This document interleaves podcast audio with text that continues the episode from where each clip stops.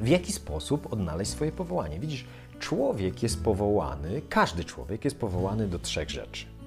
Pierwsza to kochać Boga, druga to kochać ludzi, a trzecia to zrealizować misję.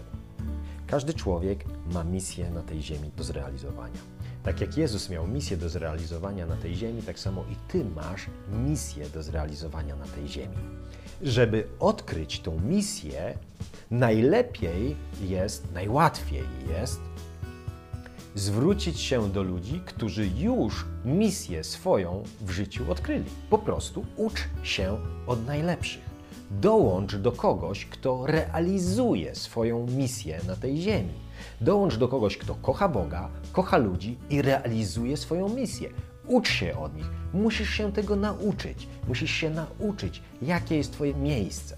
Widzisz, Bóg zaplanował ludzkość jako jeden zgrany duży organizm. Jego plan był niesamowity, że ludzie jedni drugich zasilają w miłości i osiągają niesamowite rzeczy.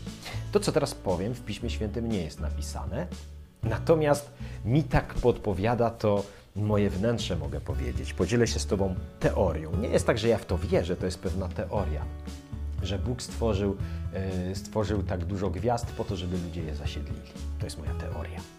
Że Bóg stworzył tak wielki wszechświat, żeby ludzie, którzy mieli żyć wiecznie, mieli gdzie się rozrastać, rozmnażać, co podbijać i jak daleko jeździć na, e, na kosmos. I on to zrobił, e, on zrobił ten taki wielki wszechświat, tak, duży, tak, dużo, tak dużo tych planet, bo każdemu przeznaczył jakiś rodzaj misji.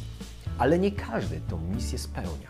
Opowiem Ci kilka pozytywnych i kilka negatywnych przykładów.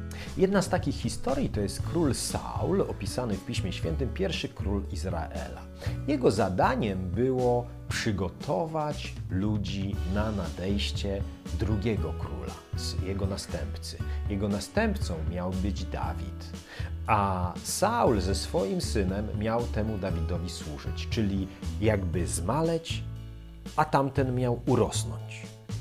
Saul nie zgodził się na to. Nie chciał stracić swojej pozycji na rzecz kogoś, kto był od niego młodszy i kogoś, komu się bardziej wiodło w wojnie niż jemu samemu. Był zazdrosny. I jego koniec był tragiczny. W Piśmie Świętym mamy napisane, że Bóg go odrzucił, że usunął go ze stanowiska. To nie znaczy, że Bóg go całkowicie odrzucił jakby ze swojego planu Bożego, tylko przestał być królem i zginął. I królem po nim został Dawid, tak jak to zostało zaplanowane. I to jest negatywny przypadek. Człowiek, który miał misję do spełnienia, przygotować państwo dla następnego króla, który miał zbudować świątynię, ale niestety się to nie powiodło. Natomiast pozytywnym przykładem jest Jan Chrzciciel. On miał przygotować Izraela na przyjście Jezusa Chrystusa i robił wszystko, żeby jego życie było poświęcone temu, który był od niego o pół roku młodszy i przychodził z większymi cudami, i o którym on powiedział: Ja, czyli Jan powiedział: Ja mu nie jestem godzien nawet sznurówek rozwiązać. O Jezusie Chrystusie tak powiedział Jan.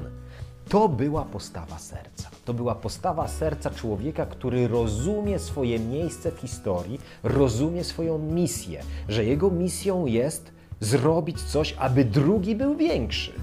I kiedy uczniowie Jana Chrzciciela nie chcieli się z tym pogodzić, nie chcieli się pogodzić z tym, że ich mistrz, Jan Chrzciciel, staje się coraz mniej popularny, a nauczyciel Jezus Chrystus staje się coraz bardziej popularny. Byli zazdrośni, ale Jan Chrzciciel nie był zazdrosny. Jan Chrzciciel powiedział tak: Ja muszę maleć, on zaś stawać się większy. On zrozumiał swoją misję. On zrozumiał swoją misję.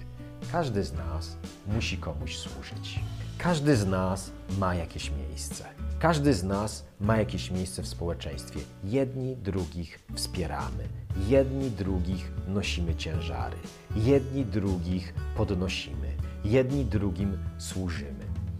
Tam znajdziesz misję, swoją misję, misję dla swojego życia, gdzie są ludzie, którzy swoje misje realizują.